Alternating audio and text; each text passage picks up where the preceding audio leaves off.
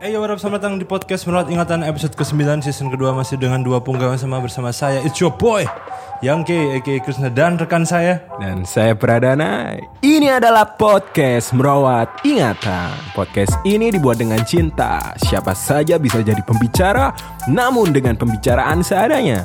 Direkam semampunya, diedit seikhlasnya, dan diedarkan semaunya. Jadi, silahkan didengar dengan sukacita. Mantap Apa kabar PR? Waduh, ini ter- tidak terasa ya sudah tahun depan. Ya, kita terakhir rekaman tahun lalu gak sih? Iya, pada jokes pasti lama sama. banget. Cuk. Jadi eh, sama tahun 2021 semuanya Iya, sama tahun baru. Aku harap ini menjadi tahun yang eh, penuh kebahagiaan, keberkahan bagi kita semua. Walaupun tahun baru tapi keadaan masih pada lesu ya semua. Adalah so, mungkin ya nggak tahu aku nggak Nah, dan kita akan menghadapi PSBB lagi. akan menghadapi PSBB lagi. Jadi kita rekaman tanggal 8. Jadi PSBB tanggal 11. 11, Tanggal 11 dan sudah jelas pasti kan sebenarnya tidak tidak seluruh Jawa ya, seluruh pulau Jawa gitu. Cuma beberapa daerah saja gitu. Cuma ya definitely Surabaya bakal masuk sih karena ya sekarang soalnya kondisinya ini kalau nggak salah ini hampir atau sudah ya semua rumah sakit rujukan itu sekarang sudah penuh gitu loh. Jadi jadi kalau kalian-kalian nih yang masih bandel dengan protokol kesehatan terus positif Covid ini kemungkinan kalian bakal dirawat dengan kondisi tidur telentang. Kenapa harus berdiri. Ya, Karena nggak ada berdiri. ruangannya gitu. Baik, saya- apa? Ada ya ini ya, udah lama rekaman tapi Iya, tetap chemistry-nya Chemistry tidak ada.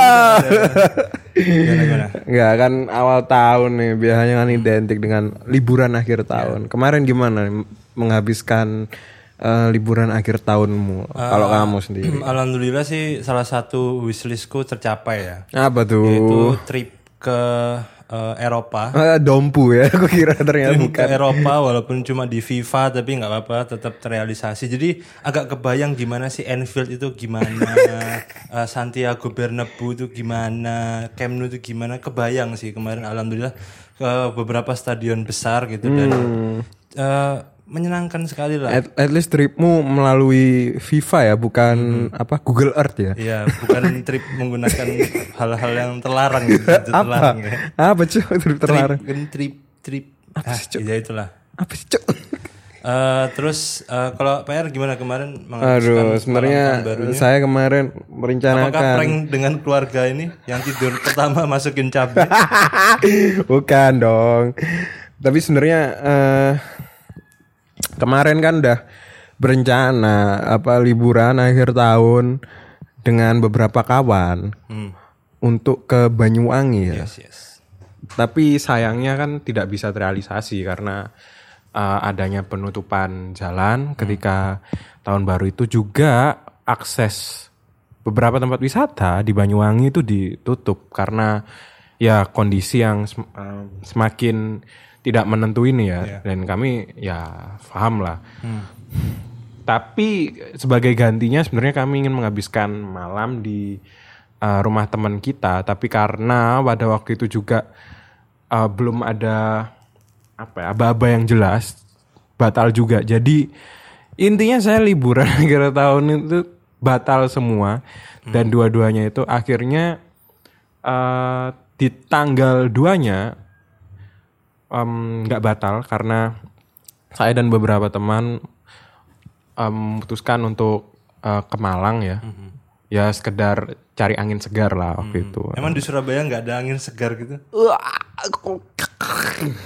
Di Surabaya mantap Hawanya angin-angin wah, terik. Tapi sekarang alhamdulillah suasana lagi sejuk. Lagi sejuk. Matahari tidak ada. Jemuran kapan kering lah kayak gitu. Betul, betul. Nah, tapi alhamdulillah sebelum itu sebenarnya juga udah eh, liburan juga karena waktu itu aku Krisna dan beberapa kawan lain eh, ke Bromo ya. Nggak sampai Bromonya sih, kita Hampir, hampir, kita ngopi-ngopi aja di situ karena bener-bener tahun kemarin bener-bener penat sekali. Hmm, hmm, hmm, hmm. Apalagi saya dan Krisna sebagai pekerja lepas yang pekerjaannya tidak pasti ini. Banyak pikiran juga. Kita perlu mungkin ya sehari dua hari ya. Kalau bisa sih agak lama tapi nyatanya kan tidak. Waktu di mana kita benar-benar tidak memikirkan em, tentang pekerjaan dan hal-hal kayak gitu ya. Karena sebagai pekerja pekerja lepas tidak ada jaminan kamu akan menerima uang di akhir bulan dan sebagainya jadi intinya stabilitas masih belum kami raih se- maka setidaknya ketenangan pikiran yang harus kita dapat Betul. Kalau stres juga nggak bisa ke mana-mana juga. Benar sekali, benar sekali. Tapi kemarin kita ke mana itu? Ke coffee shopnya apa? Shelter Kopi Oh, Bromo. kopi ya? desa. Bukan itu yang di apa? Pacet. Enggak tahu. Shelter Kopi Bromo. Iya, eh, wah benar-benar pengalaman yang ah, wow wow. Tapi kemarin Menyenangkan, itu menyenangkan. ada cerita menarik sih dengan Kenapa? eh, para barista-baristanya itu. Ha, Jadi kemarin kan kita ngobrol-ngobrol tuh, terus dia tuh cerita bahwa dia tuh sebenarnya udah pernah kerja di Surabaya. Terus dari eh, dari uang hasil kerja itu bersama teman-temannya dia kumpulkan untuk investasi tanah di daerah menuju Gunung Bromo itu gitu loh.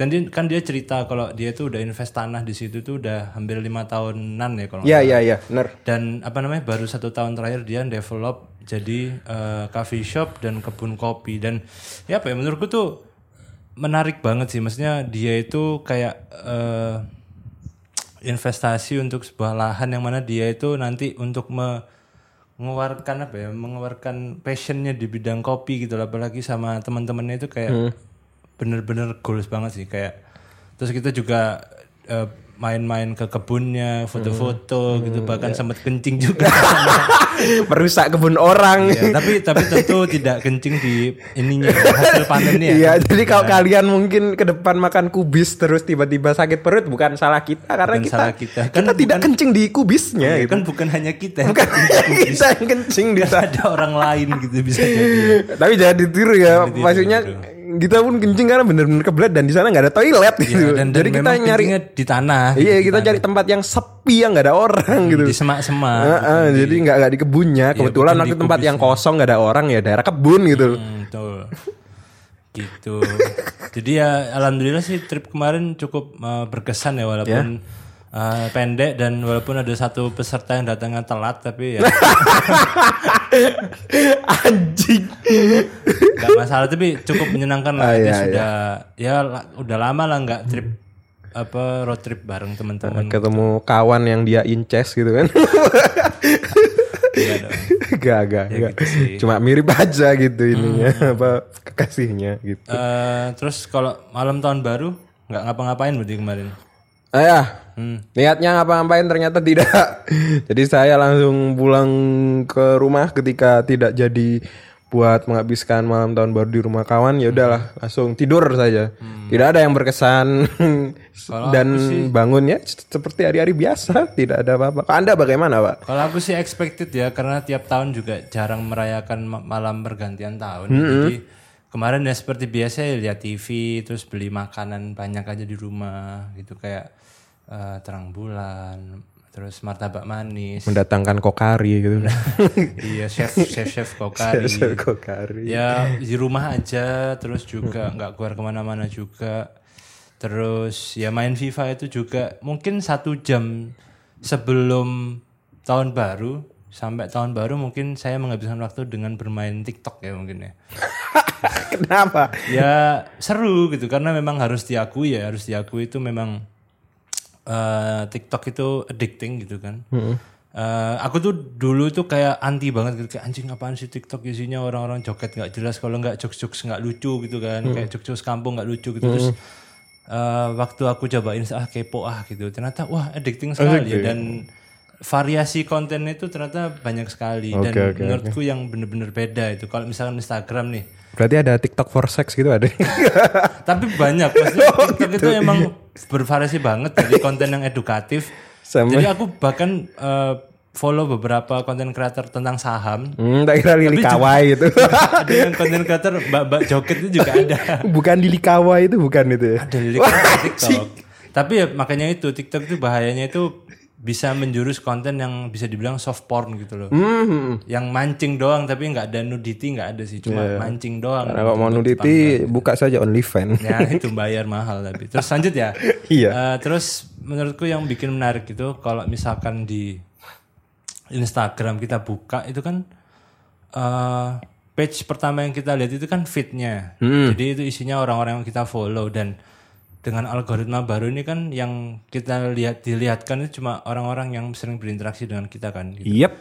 Nah, jadi dan kita juga jarang untuk mengekspor konten di page explore itu di Instagram. Nah, Iya. tapi kalau di TikTok kita itu waktu kita pertama kali buka, kita langsung disuguhi sama eh, apa page explore itu namanya FYP for your page atau for you page pokoknya itulah.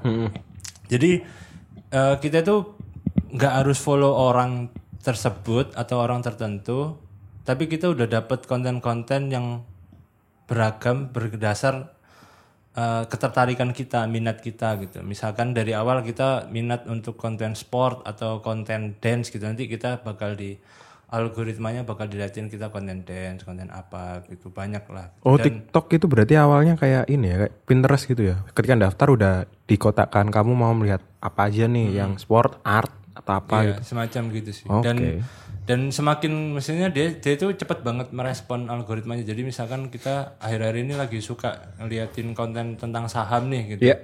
Nah itu jadi banyak kayak aku nih seminggu terakhir itu jadi banyak banget konten-konten kreator saham yang muncul gitu. Sebelumnya tuh kayak malam tahun baru tuh dengan ya mbak-mbak joget gitu tiba kok tahun 2021 kok loh kok isinya saham semua ide, ide. Habis party langsung Yoi. bekerja. Tapi ada satu lagi yang menarik gitu. Iya, aku iya, menemukan konten itu tentang denim. Wuh. Oh, ada. Denim Kenapa apa kenapa kok ada teaser denim ya? teaser menggelitik gitu. Jadi eh ya itu eh, ada ada konten kreator dia itu denim entusias terus dia itu kayak yang bikin aku kaget itu adalah ternyata ada ada habit seorang denim entusias. Seorang denim entusias itu punya habit yang dia itu nggak mencuci eh, pakaian denimnya itu. Ya tergan- celana, tergantung sih kalau dia emang pingin apa mendapatkan aksen-aksen tertentu kali ya di denimnya itu ya itu ada ada rules rulesnya mungkin. Iya, cuma menurutku eh, di, di kondisi yang kayak sekarang gitu ya, maksudnya kan eh, persebaran virus bisa melalui media Apa? televisi, media pakaian gitu ya. Jok Jadi sampah. jadi kan maksudku kalau nggak dicuci kan bahaya juga gitu loh Yep. menurutku gitu. Makanya aku tuh kepo banget sih kayak pengen ngobrol gitu sama orang yang ngerti denim gitu barangkali siapa tahu kita dapat kesempatan ngobrol Kita membicarakan David Bayu kan vokalisnya Naif. Iya, David Bayu atau mungkin ya adalah orang Surabaya. Iya, iya. Ada ada ada. Ya semoga nanti kalian berkesempatan mendengar. Iya, iya. Terus eh, kita juga alhamdulillah sih kalau menurutku 2021 ini mulainya nggak buruk-buruk banget sih. Kalau kayak tahun lalu kan kita disambut dengan kepergian Kobe Bryant ya gitu. Kalau sekarang ya mungkin yang melegakan itu vi- vaksin ya itu akhirnya datang gitu. Ah, sebenarnya agak agak ragu juga ya maksudnya soal vaksin itu sendiri. Karena hmm nggak tahu ya. Ada ya mungkin masih perlu beberapa kali uji coba atau apa karena kan apa yang akan disuntik vaksin itu ya banyak orang sih mungkin ya hampir satu negara kali ya Iya, iya. jadi kayaknya nggak bisa asal nerima barang dari negara mana, Hmm. terus langsung disuntikin ke warganya gitu. Ya mungkin ada beberapa kali uji coba ya nggak tahu ya. Hmm. Saya kan bukan ahli vaksin atau Hmm. Ahli virus dan sebagainya. Saya kan nanya seorang pekerja lepas di bidang tertentu. Cuma kan kalau sekarang kan kalau nggak salah itu lagi dalam proses tes itu kan lagi diuji apa sama BPOM itu loh.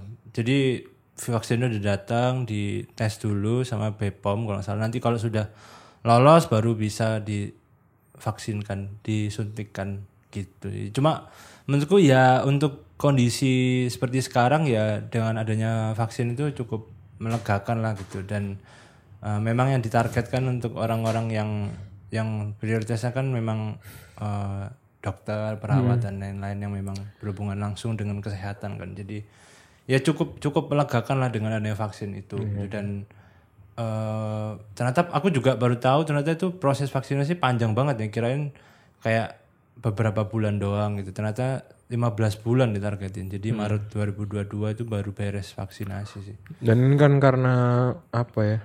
Kita benar-benar meredus banyak kegiatan di luar ruangan. Akhirnya ketika di rumah mungkin salah satu kesibukannya nonton streamingan kali ya atau nonton film-film dari laptop kali ya. Hmm. Kemarin kebetulan ada series yang aku ikutin tuh, namanya Alice in Borderland. Hmm. Nah, Wah, saya juga belum kenapa? selesai. Oh, itu em nggak tahu ya, aku suka sih series itu. Bagaimana kalau Kalau kamu, aku sih suka, Heeh. tapi dari waktu eh, nemu beach itu, nah itu aku mulai agak nggak suka karena eh, aku tuh suka suatu series atau film yang kayak konspirasi-konspirasi gitu loh. kayak itu kan konspirasi banget ya. Iya, siapa yang menaruh orang-orang itu di sana? terjebak di dunia paralel gitu loh. Terus tiba-tiba kok ternyata ada konflik of interest gitu loh kayak dari kelo- sekelompok orang gitu yang pengen berkuasa. Itu kayak aneh aja gitu menurutku. Tapi mungkin itu agak bisa dimaklumi karena kan ada uh, akumulasi-akumulasi dari keinginan dia di dunia nyata, terus dampak dia terdampar di out of nowhere gitu ya, dan dia nggak bisa pulang, mau nggak mau kan mungkin terkecamuk pikirannya dan dia perlahan-lahan kan jadi kehilangan kehilangan ini kali, ke- kesadaran kali, sama kayak si hater sama teman ini ya teman dekatnya itu toh di sini. Ya spoilernya fuck you man. Cuma Dan kenapa? eh, kalau menurutku yang apa ya kalau kalau aku sih memang sebenarnya yang le- lebih ke harapannya. Kalau penasaran itu siapa yang naruh di situ gitu loh. Dan menurutku ketika di episode terakhir itu kayak rada-rada uh kok ternyata kok ter reveal segampang itu gitu loh yang otak konspirasinya itu kayak man I need more complex Ya, story." tapi tapi itu agak menurutku agak tolol dan ada dialog yang agak bodoh juga sih kayak si Arisu ini atau si Alice dalam bahasa Inggrisnya em, dia bisa men- mendatangi apa ya kayak room control gitu loh di mana orang-orang yang eh, mendevelop game di sana sudah pada mati karena dibunuh em, rank yang lebih tinggi yang di game ini mungkin game master atau apanya. Itu ada apa ya kayak em, karakter yang abu-abu datang gitu ya. Kebetulan rambutnya juga agak abu-abu. Terus dia bilang seperti yang aku harapkan dari orang yang cerdas atau orang yang aku harapkan bisa mengetahui tempat ini. Menurutku fuck man dia di- dia kan lihat lihat apa recorder dan kebetulan aja itu didapatkan dari eh, salah satu bandar yang bunuh diri itu kan HP-nya dan dia kan cuma melihat rekaman dan mengikuti jejaknya. Bukan bukan hasil dia kayak jadi Sherlock gitu. jadi kayaknya se- miss dialognya agak miss kali ya atau gimana? Atau emang karena dia nggak tahu sehingga mengatakan itu mungkin. Tapi ya aku cukup suka sama itu. Dan ada satu yang aku lihat si hater ini aku langsung kayak sih sepertinya aku pernah lihat. Dan, ter- dan ternyata dia yang di Cross Zero pak. Oh, nggak jadi ininya? Yang di sekolah Hosen aku nggak ngikutin Oh enggak nge Close Zero. Ada ternyata dia di, di situ. Makanya kok kayak familiar siapa ya? Hmm. Cuma yang yang rambut-rambut perak itu yang rambut Kakashi itu emang tipikal-tipikal karakter yang sok cool sih pasti ya. Pasti ada gitu di setiap series itu Ya, karakter-karakter sok cool gitu. Tapi ya satu yang aku tidak menduga karena ada dua teman dekatnya itu. Kan tak kira karena dia teman dekat de- dan ya sepertinya karakter yang cukup berpengaruh mungkin akan bertahan sampai akhir. Tapi Soalnya ternyata dia thumbnail film juga ya. iya d- dan dan sama si kreatornya berani gitu loh. Karakter ini dibunuh gitu. Iya iya. Itu aku pas itu mati kayak langsung kayak ah, udah serius mati gitu kayak ya ya udahlah. tapi bagus ya itu memacu si karakter utama buat uh, buat next step lah kali di di ini, pengembangan karakternya. Tahu nggak scene yang paling mengejutkan itu apa? Ah, Pak. Yang waktu mbak-mbak yang kerja di bank itu Oh, yang, mau ngentot itu. ya pas lagi pas lagi tanya itu loh kamu kok bisa terjebak di sini Oh, iya, gitu lagi kan. kerja. Gak, gak expect scene itu bakal keluar ada di posisi lagi non lagi nonton di ruang keluarga lagi ada ayah ibu terus lagi ah waduh kan nggak enak ya gitu ya. Terus ya udah kita langsung oke itu time to go langsung tak tutup laptop langsung oke time to go gitu Loh, oh kamu nontonnya di ruang keluarga. iya tak sambungin TV Terus gimana Terus Bapak ya Ibu? kayak, langsung kayak oke gitu it's time to go gitu Tapi itu mungkin agak agak problemnya di um, keluarga yang apa ya? Keluarga Jawa kali ya atau gimana? Karena sebenarnya kan itu kalau kamu udah umurnya mencukupi sebenarnya hal-hal yang lumrah dan Hmm. walaupun kok umur kamu nggak cukup seharusnya orang tua kan bisa lebih mengedukasi kali ya. Hmm. bukan bukannya malah eh kamu nonton apa? gitu. Sehingga Iya, kayak jadinya agak semi semi traumatis kali kok depannya. Kok kita nonton kayak gitu malah Hmm. ada kayak ketakutan tersendiri. Nan- nanti kalau ketahuan dimarahin atau apa. Hmm. Tapi kan pasti kalau ada film-film dengan adegan seperti itu kan kita udah bisa membaca ya kayak oh ini kayaknya arahnya ini udah mau ke eh, ini deh French kiss deh itu kayaknya Eh. langsung kayak oke aku pura-pura pipis gitu. langsung kayak oke pura-pura pipis gitu. Soalnya daripada stay di situ terus channelnya diganti tuh nggak enak gitu loh. Jadi mending oke biar tetap nonton tapi aku ya udahlah itu itu nggak lihat lah gitu. Padahal ya sebenarnya tahu-tahu aja itu arahnya ke mana tahu. tapi waktu itu reaksi orang tua mah Dia cuma diem aja gitu kayak oke gitu. oh tak kira mah karena kan kamu nontonnya satu keluarga ada bapak ibu sama adikmu kan Hmm. iya sih. Tapi kalau memang memang nggak tahu ya. Kita juga tahun 2020 kan eh nggak ke bioskop ya. Nggak tahu ke bioskop terakhir kapan ya. Pokoknya kayaknya Januari itu terakhir deh. Habis itu nggak nonton lagi tuh. Jadi kayak jadi emang konsumsi film dan series itu jadi turun banget sih kalau aku di tahun 2020. Ya, jadi kayak nggak banyak referensi. feelnya beda nonton di layar apa layar Kaca. kaca, itu sama di bioskop gitu. ya aku kangen sih nonton bioskop karena Surabaya belum buka sampai sekarang bioskopnya Ada sih GV itu kan buka. CGV masih buka Buka. Itu kan ada yang apa yang anime-anime itu loh. oh Demon Kimetsu no Yaiba Iya itulah. Hmm. Cuma ya ya itu kangen sih kan kangenin nonton kangen gitu. Jadi ya 2020 kemarin nggak banyak nonton, nggak banyak referensi gitu. Ah, semoga semuanya segera mereda karena Amin. banyak yang terinfek ini akhir em, di awal-awal tahun bahkan beberapa kantor memberlakukan lagi WFH secara ketat dan PSBB kayaknya juga diperketat. Padahal seharusnya awal tahun adalah tahun harapan tapi ini malah banyak ini ya banyak-banyak kewas-wasan gitu ya. Dan awal-awal tahun langsung di negara nun jauh di sana dibuka dengan kerusuhan Iya. yang, Amerika. yang selama ini kayaknya kita seakan-akan di benar-benar dikungkung karena kita besar dengan tontonan bahwa Amerika adalah negara yang demokratis yang besar yang sangat dikdaya. Wah, tidak ada kemiskinan di sana. Makanya. Aku lihat itu tuh berita itu tuh kayak lagi lihat film ini The Purge gitu loh udah kayak gitu kayak. Oh, Oke. Kok ada orang-orang yang jadi kayak seperti brainless gitu tuh kayak wow. Kayak membabi buta aja kayak nggak mikir apa-apa gitu kayak gila aja sih. Tapi keren, Mak. maksudnya hal seperti itu kan udah bener-bener nggak bisa ditutupi lagi buat masuk ke eh bisa dilihat di dunia internasional gitu loh. Lihat wajah Amerika. Hmm. Menarik sih tapi itu. Ya lebih banyak lagi lah ya. dan dan ya apa ya maksudku tuh eh, semakin ke sini tuh kita tuh jadi semakin banyak nggak taunya.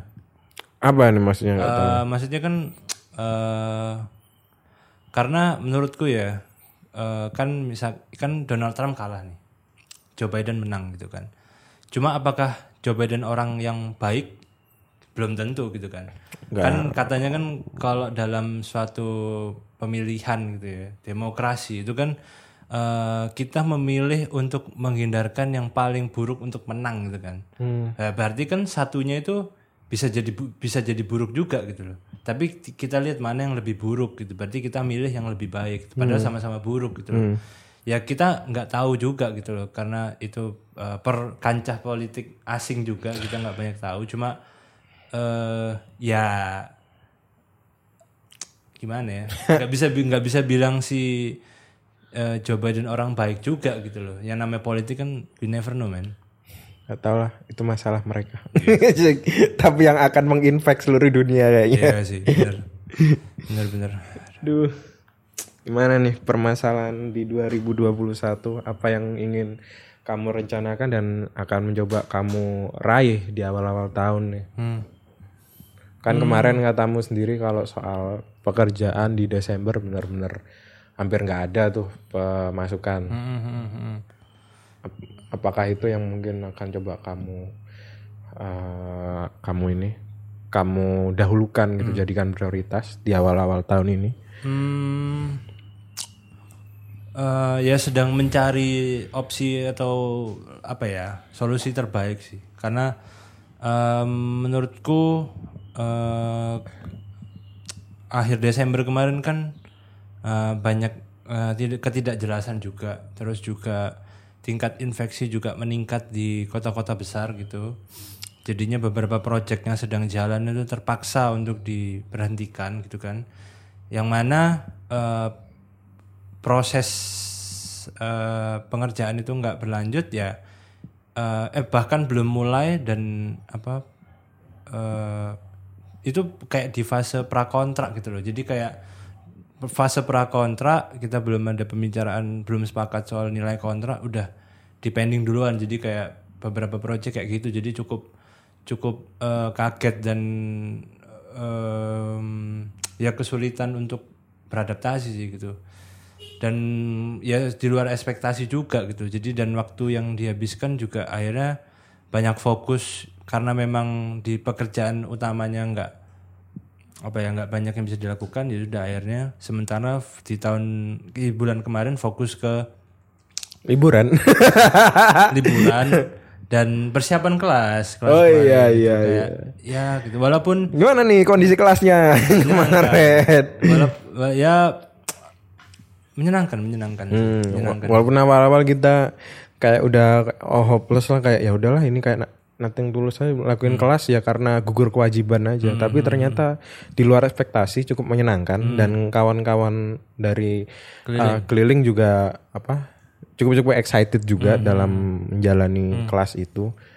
Ya itu itu aja sih dan dan waktu hari H gitu sebenarnya secara teknikal mostly aman sih. Cuma kita eh, padahal udah persiapan H satu juga cuma ternyata eh, ada ada aspek yang seharusnya bisa dilakukan lebih baik lah karena kita nggak nggak expect itu bakal terjadi juga gitu kan. Kayak misalkan yang hostnya dua.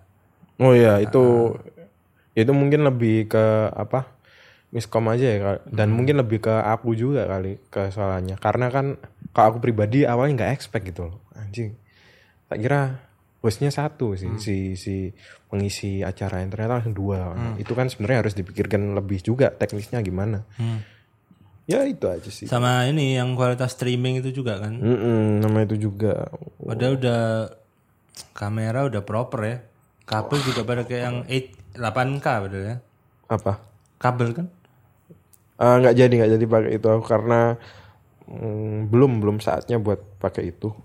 Ya udah pakai yang biasa aja Cuma kalau eh, sebenarnya yang the most eh, memorable gitu ya buat kita sih kemarin itu em, yang pertama melihat ini sih eh, kepuasan dari para peserta. Itu kayak happy terus juga aku salut juga sama teman-teman dari keliling itu kemarin kelasnya sangat interaktif ya jadi nggak membosankan juga gitu. kita sebagai yang apa? Hostnya itu juga ngelihat itu ikut seneng gitu. Terus kayak pesertanya juga berani ngobrol speak up banyak ini sampai sampai banyak yang apa dm dm gitu. Pap tete Tidak dong, kan ada anak kecil tidak boleh. oh iya aku lupa Ada peserta yang masih kecil tidak boleh. Tapi senang gitu maksudnya kalau lihat excitement peserta kelas maksudnya dari memang itu sih mungkin yang apa ya eh, motivasi atau yang bikin semangat bikin kelas dari yang pertama sampai terakhir itu kan lihat eh, kepuasan gitu loh, ex- excitement mereka gitu. Itu eh, seneng lah jadi bahan bakar juga. Terus yang kedua yang bikin aku excited ya dengan kelas kemarin tuh karena aku respect gitu sama mereka gitu karena mereka siapa mereka nih keliling nih Oh, oke. keliling ini kan mereka punya misi mulia lah ya misi mulia untuk menyebarkan eh, apa ya nilai-nilai seni ya Iya. Ya, kurang lebih as a, as a kolektif itu kan mereka punya nilai apa tujuan baik untuk menyebarkan nilai-nilai baik dari seni gitu loh, bidang seni gitu loh.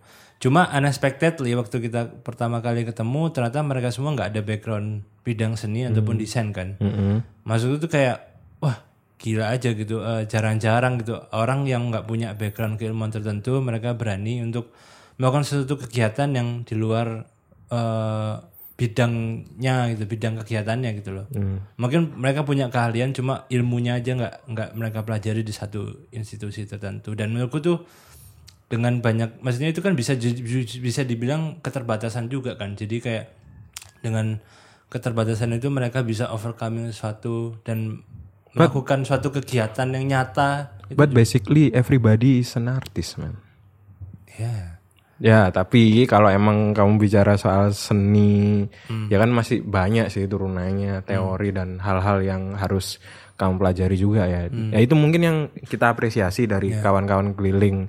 Dan, mereka mungkin masih muda-muda. Ya, dan, dan mungkin kalau teman-teman keliling ini dengar, eh, mungkin ini ya bisa apa referensi tentang hal-hal kesenian juga kali ya yang perlu ditingkatkan buat teman-teman dari keliling. Karena em, karena beberapa kita ngobrol walaupun nggak banyak kayaknya kan masih banyak juga yang bisa tuh di, dipelajari dan ditingkatkan pengetahuannya soal uh, dunia seni dari teman-teman keliling. Entah tokoh-tokohnya entah teknik-tekniknya entah hal-hal lainnya hal-hal lain lah yang lebih esensial kali ya.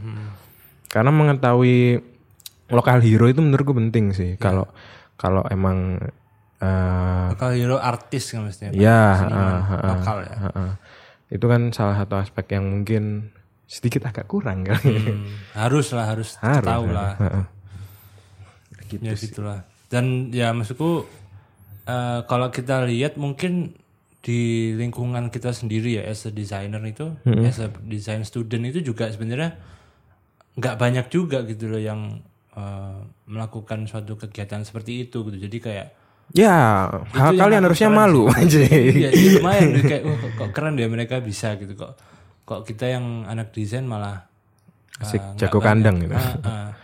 Masih bisa dihitung jari lah yang ya ya, ya. mau melakukan hal seperti itu. bisa bisa bisa Sukses terus untuk teman-teman keliling. Wah, ada Siapa pun yang mendengar ini semangat.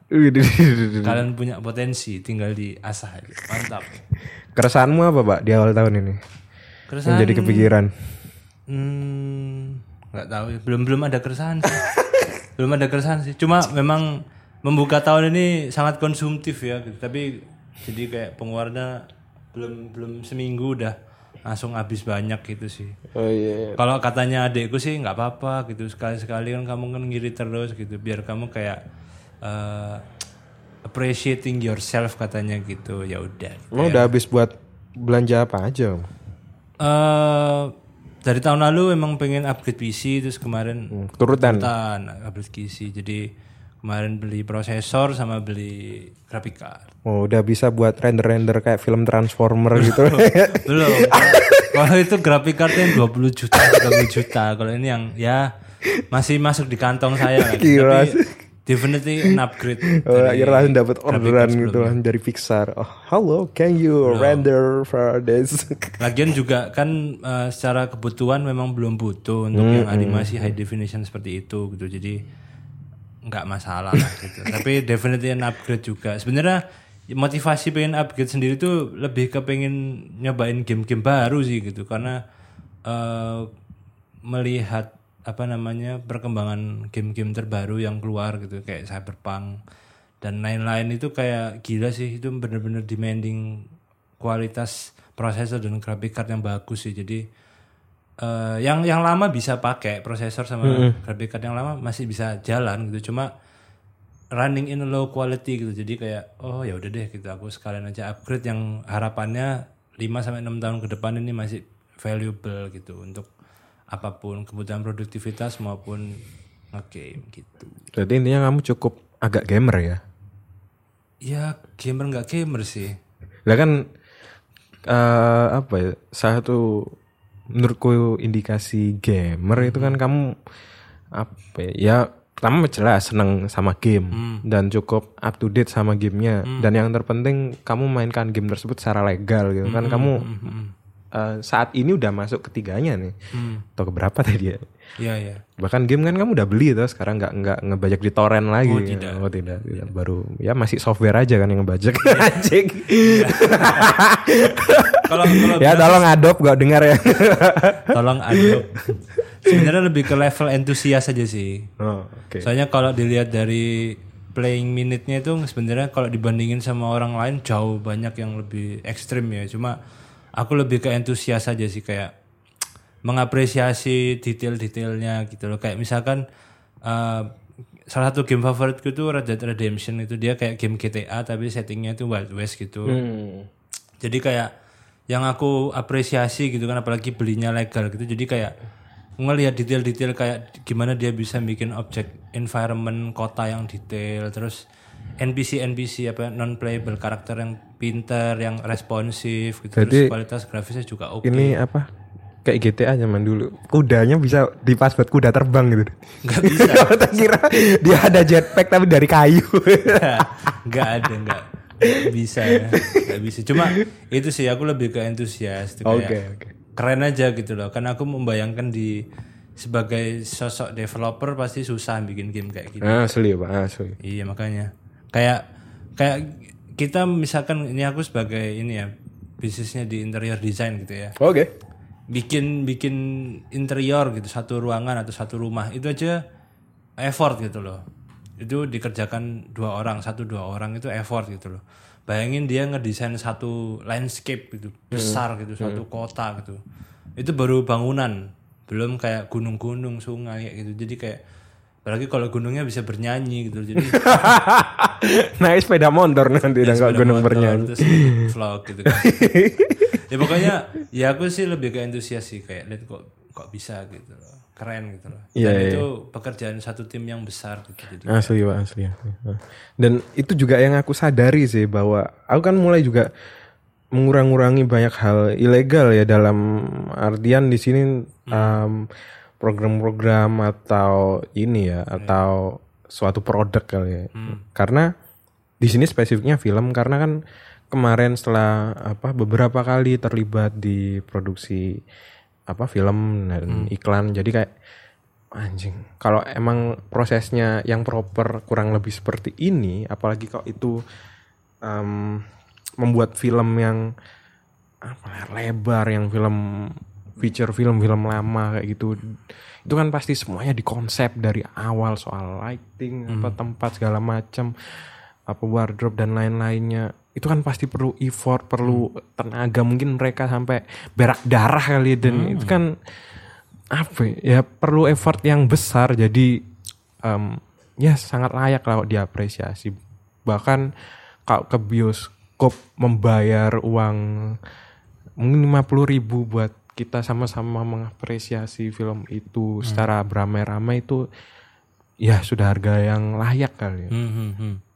itu sih. Yang mungkin soal apresiasi kali ya, yang pengen pengen mungkin tahun ini lebih lebih lagi buat digali. Iya, iya. penting mbak apresiasi. Benar-benar ya kalau jelek dikritik sih tapi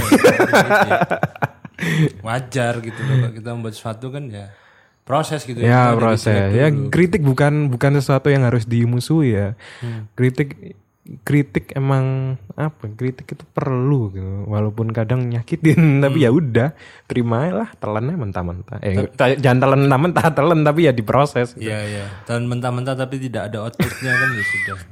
Tapi masih inget nggak film atau video pertama yang mbak buat? Yang wah itu jelek. Saya pengen muntah.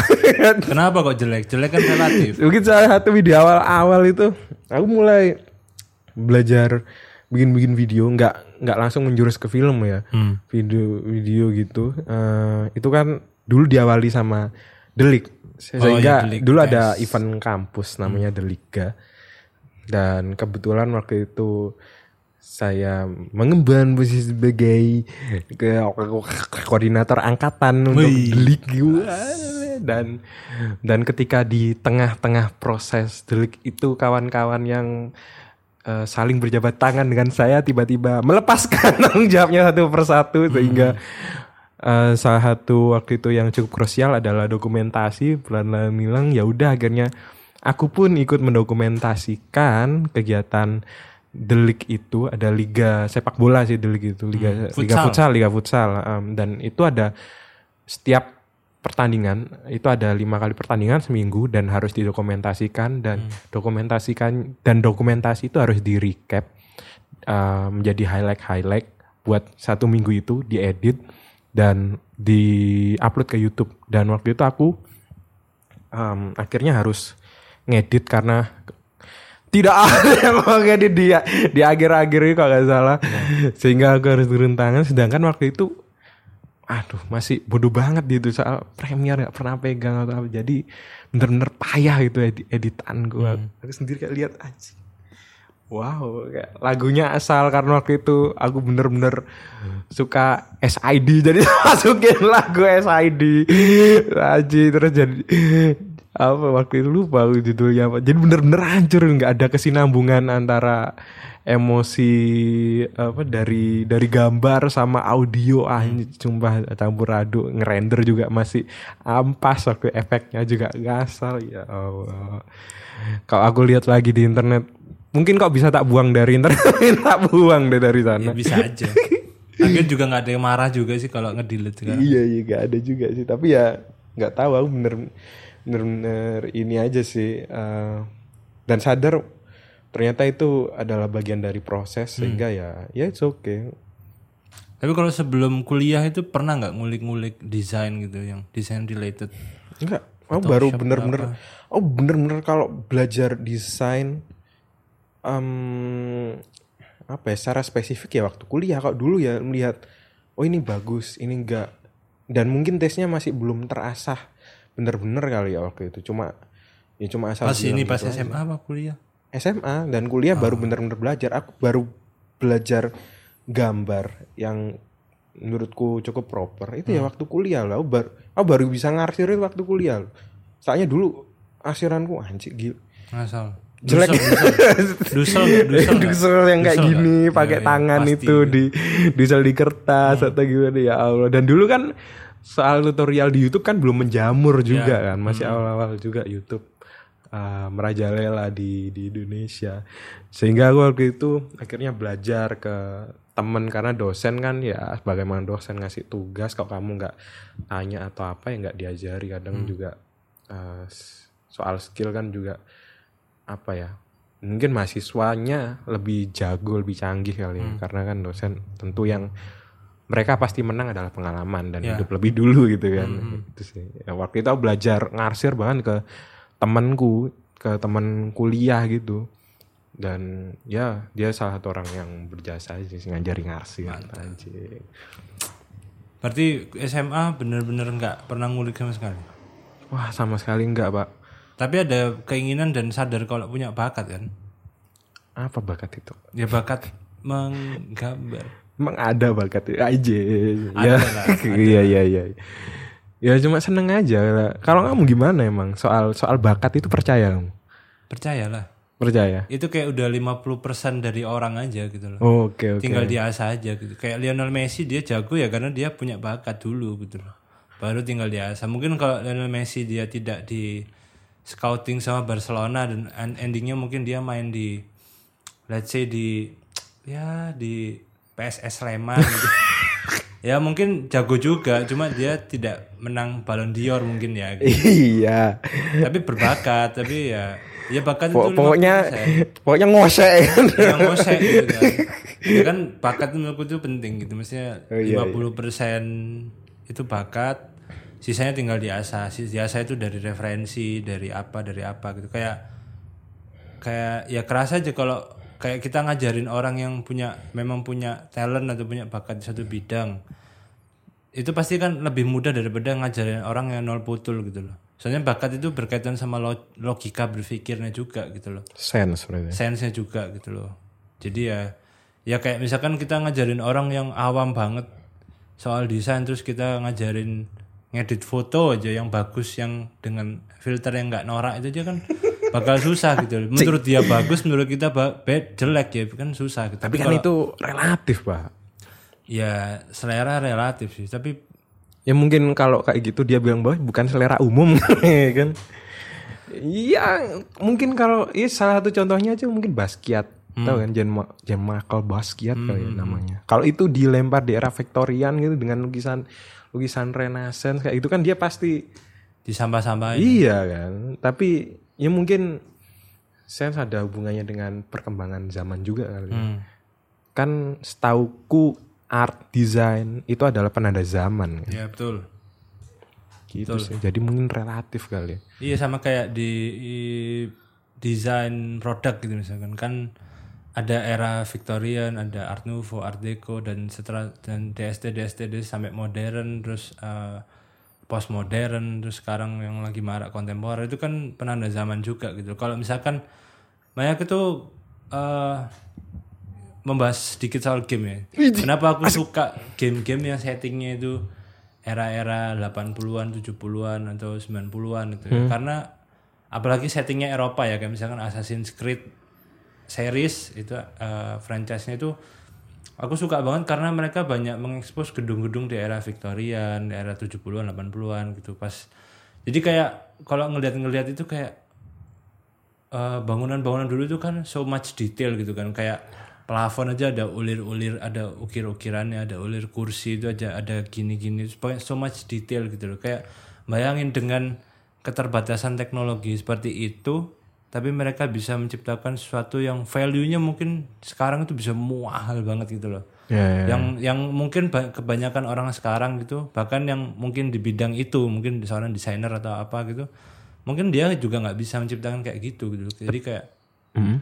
keren aja gitu loh kalau lihat di era-era 8 90-an ke bawah eh apa abad 19 ke bawah gitu pokoknya 80-an sebelum Assassin's Creed kan abad-abad ya pokoknya sebelum era-era apa namanya revolusi industri. Ya, nah, sebelum itu kan semuanya masih handcrafted kayak much detail. Nah itu tuh kayak aku suka aja lihat detail-detail gitu. Dan itu dengan keterbatasan tapi mereka bisa menciptakan sesuatu yang sangat grande itu luar biasa sih. Iya dan itu risetnya pasti nggak segampang sekarang kan. Kan apa ya? Artefak-artefaknya itu kan effort banget. Mereka si apa ya desainer gamenya ini kan harus bertanggung jawab gitu kali. Si si konsep konsep artisnya itu harus bertanggung jawab juga kan. Kenapa bangunannya kayak gini dan di era itu risetnya bagaimana pertanggung jawabannya. Kar karena nanti kan ada hubungannya. Misal kayak ada arkeolog yang dia tahu banget nih soal bangunan di uh, era tertentu. Ketika lihat ini Hah? ah nggak ini nih nggak apa? Nggak relate Mm-mm, risetnya kayak ngawur nih kayak gitu gitu loh.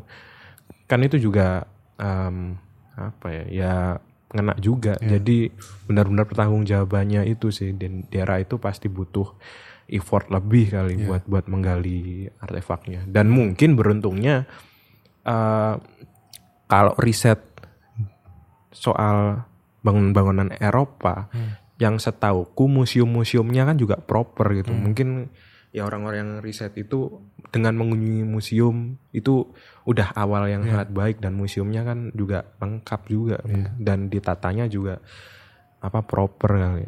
Ya nggak tahu sih. Aku kan cuma apa nyari tahu juga dari internet kalau yang soal museum kayak gitu. Dan aku ya gak nggak nggak adil karena kok di Indonesia datang langsung tapi kok di sana baca dari internet tapi dikubandingkan itu kan agak Iya. agak nggak layak sih harusnya. Tapi ya itu sih. Tapi ya itu sih ya kadang sedihnya tuh kayak kok kita jadi banyak lebih banyak tahu sejarah di luar negara kita sendiri gitu daripada negara kita sendiri gitu. Apa karena mungkin apa nih konteksnya? Konteksnya kayak misalkan kita bisa tahu gitu kebayang di era-era Victorian dulu kayak gimana gitu. Karena kita banyak pengaruh melihat film-film blockbuster tak apa gitu. Kalau kalau misalkan kapan sih ada film Hollywood yang blockbuster yang me- mengangkat soal kebudayaan Jawa gitu atau keraton Yogyakarta? Ada sih itu Java Hit tapi itu film fail sih menurutku. Tapi jadinya ya aneh. Maksudku harusnya orang kita sendiri yang apa mengamplifikasi hal-hal kayak gitu ya. Karena eh, tahu ini nggak? Film apa sih namanya itu? 47 Ronin. Mm-mm, yang ada Keanu Reeves. Ah, ah. menurutku itu itu agak zong. Karena apa setting settingnya bener sih fantasi tapi kan bener bener Jepang. Tapi karena dia kayaknya yang dikejar bukan keotentikan Jepangnya itu aku jadi kayak agak loading nih. Ah Jepang bahasa Inggris kayak gini. Sedangkan kamu pernah cerita sendiri bahwa sangat jarang gitu kok orang-orang umum di Jepang itu um, bisa dibilang bisa berbahasa Inggris dengan proper gitu Bah- bahkan cuma percakapan aja. Jadi kayak dan di sana mereka kayak ya udah bahasa ibu aja bahasa Inggris itu. Hmm. jadi kayak soal kerelatabilitasan itunya agak loading. Iya iya benar.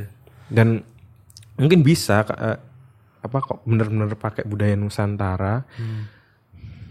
mungkin spesifiknya kita bicarakan soal Jawa sendiri dan diangkat ke film layar lebar yang secara kolosal gitu. Ya mungkin kayak Wiro Sableng udah membuka kali gitu Iya lumayan lumayan. membuka kan dia pakai kostum-kostumnya. Tapi itu juga kostumnya bisa lah lebih baik harusnya. Itu sama kayak kita lihat apa? Ya apa? Serial Angling Dharma ini better version aja. ah mm, Persis ya kayak kayak setting kita yang Wiro Sableng makan di warung, habis itu dia dipala sama preman. Ya itu kan kayak kita tipikal Angling Dharma kan makan masih kayak lalapan, ayam pisang. ayam bentungan itu pisang gitu kan terus minumnya dari apa namanya itu? Ya ceret itu ceret kan. yang apa bata itu kan yang tanah Ka- liat. ya dari tanah liat. Mm. itu kan tipikal banget gitu cuma dengan in, in a better visual aja gitu loh. Tapi kamu pernah mikir gini nggak dulu bahwa ah bu- kebudayaan kita ini norak karena kita dulu disuguhin kayak gladiator yang pakai pakaian-pakaian kayak gitu kita akhirnya uh, membuat imaji bahwa pakaian-pakaian itu Eropa ya? Apa apa? Gladia, gladiator. Gladiator. Er- Ro- Eropa, Roma Roma. Roma itu kan. Itali. itu wah sangat megah estetik. Terus langsung eh, mungkin pakaian-pakaian Jepang di The Last Samurai. Wah itu sangat megah estetik.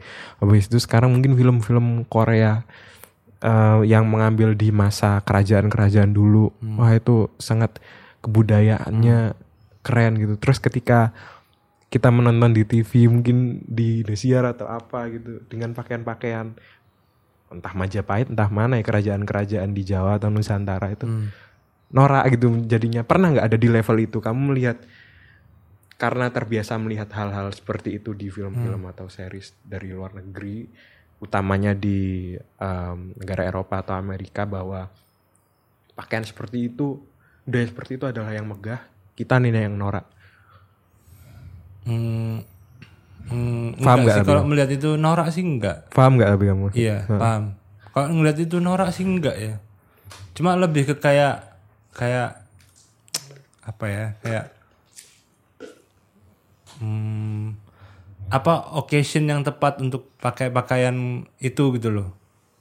Menurutku. Kalau kita ngomongnya ke konteks pakaian ya gitu kan. Kalau misalkan kita ngomong makanan dan lain-lain itu kan udah udah influence lokal banget lah Indonesia banget lah. Cuma kalau in terms of fashion gitu pakaian kapan sih kita lihat terakhir jalan-jalan ke mall ada lihat ibu-ibu pakai jari? Itu kan jarang. Kecuali kalau dia pulang manten gitu-gitu ya. Iya men, harus diimbris lagi tuh bagian daerah. Ya, kita harus sering-sering main ke Papua kok gitu. Karena kan pakai koteka dan baju baju yang minim gitu.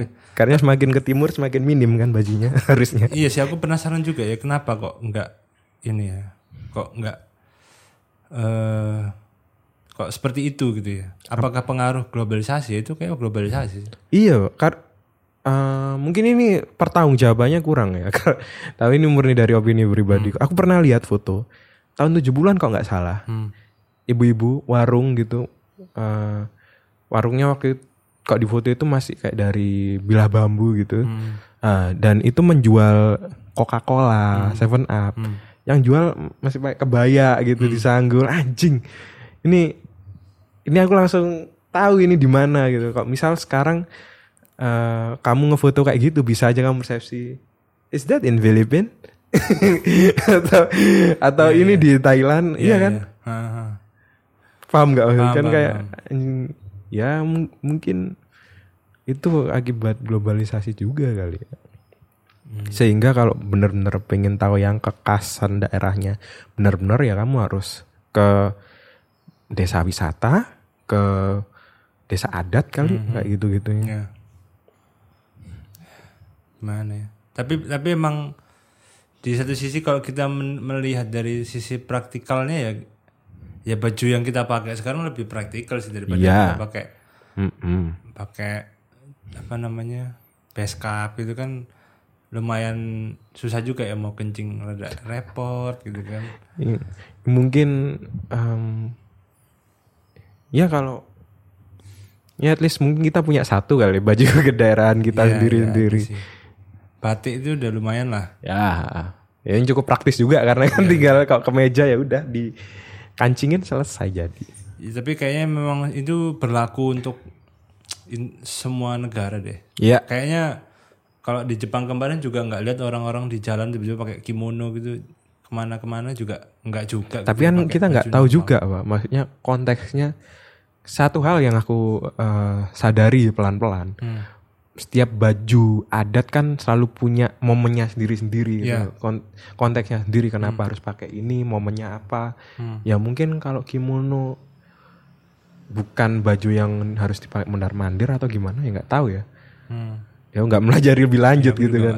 Karena kan kalau batik sendiri kadang kan eh mungkin orang sekarang mulai jarang tahu bahwa kalau batik kan ada kayak hierarkinya sendiri-sendiri. Kayak Kalau batik waktu itu kita ke Ulen Sentalu tuh ya. ya ada motifnya sendiri. Kalau misal mo- motif parang, setahu kan itu nggak boleh dipakai sembarangan karena itu kan yang pakai mungkin harus raja atau atau ketika momen-momen genting peperangan atau apa gitu. Hmm. Kok sekarang kan lebih ya udah itu batik dan motifnya apa? Batik. Dan motifnya apa? AC Milan.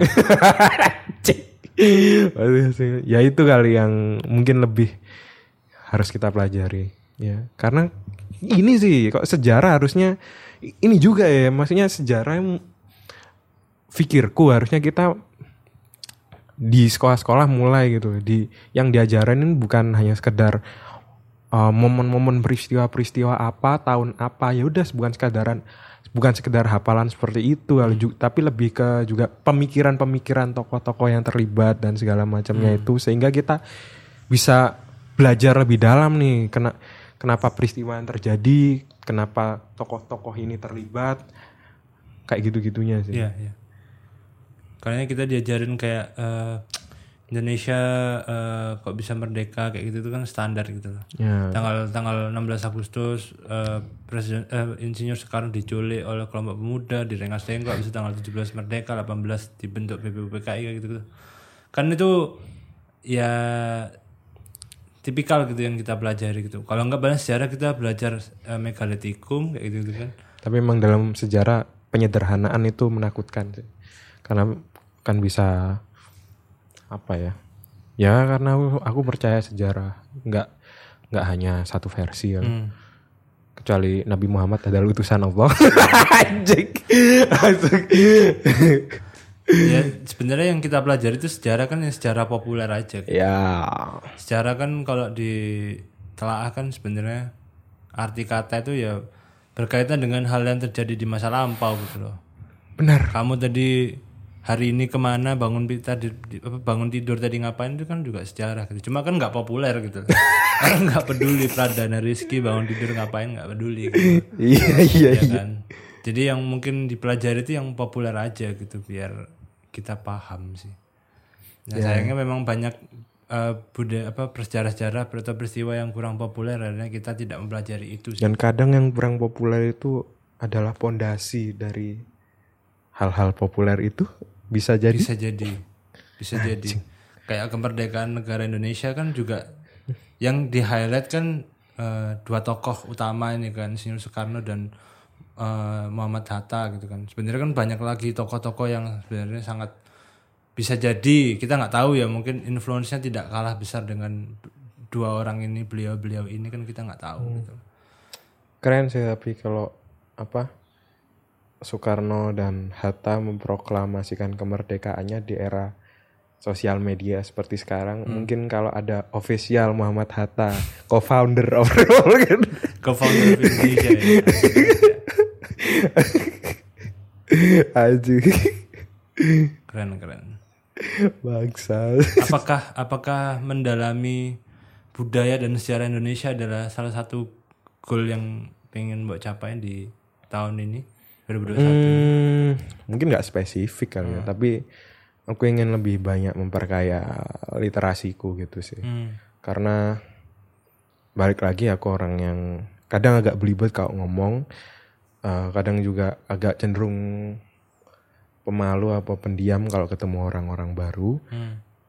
dan untuk mengakali itu dan melatih cara berpikir juga artikulasi penggayaan bahasa dan sebagainya itu aku memilih jalan memperbanyak bacaan Hmm. itu sih jadi membaca ba- karena ya aku mewajibkan diriku buat ngebaca apa pun itu dan sebisa mungkin buku cetak Hmm. karena sebenarnya aku bukan tipe orang yang senang ngebaca tapi membaca adalah keharusan gitu Iya betul. Itu Harusnya sih. ya. ya jujur aja kalau aku ditodong kamu lebih seneng nonton film baca ya nonton film lah tapi Yang lebih manis ya.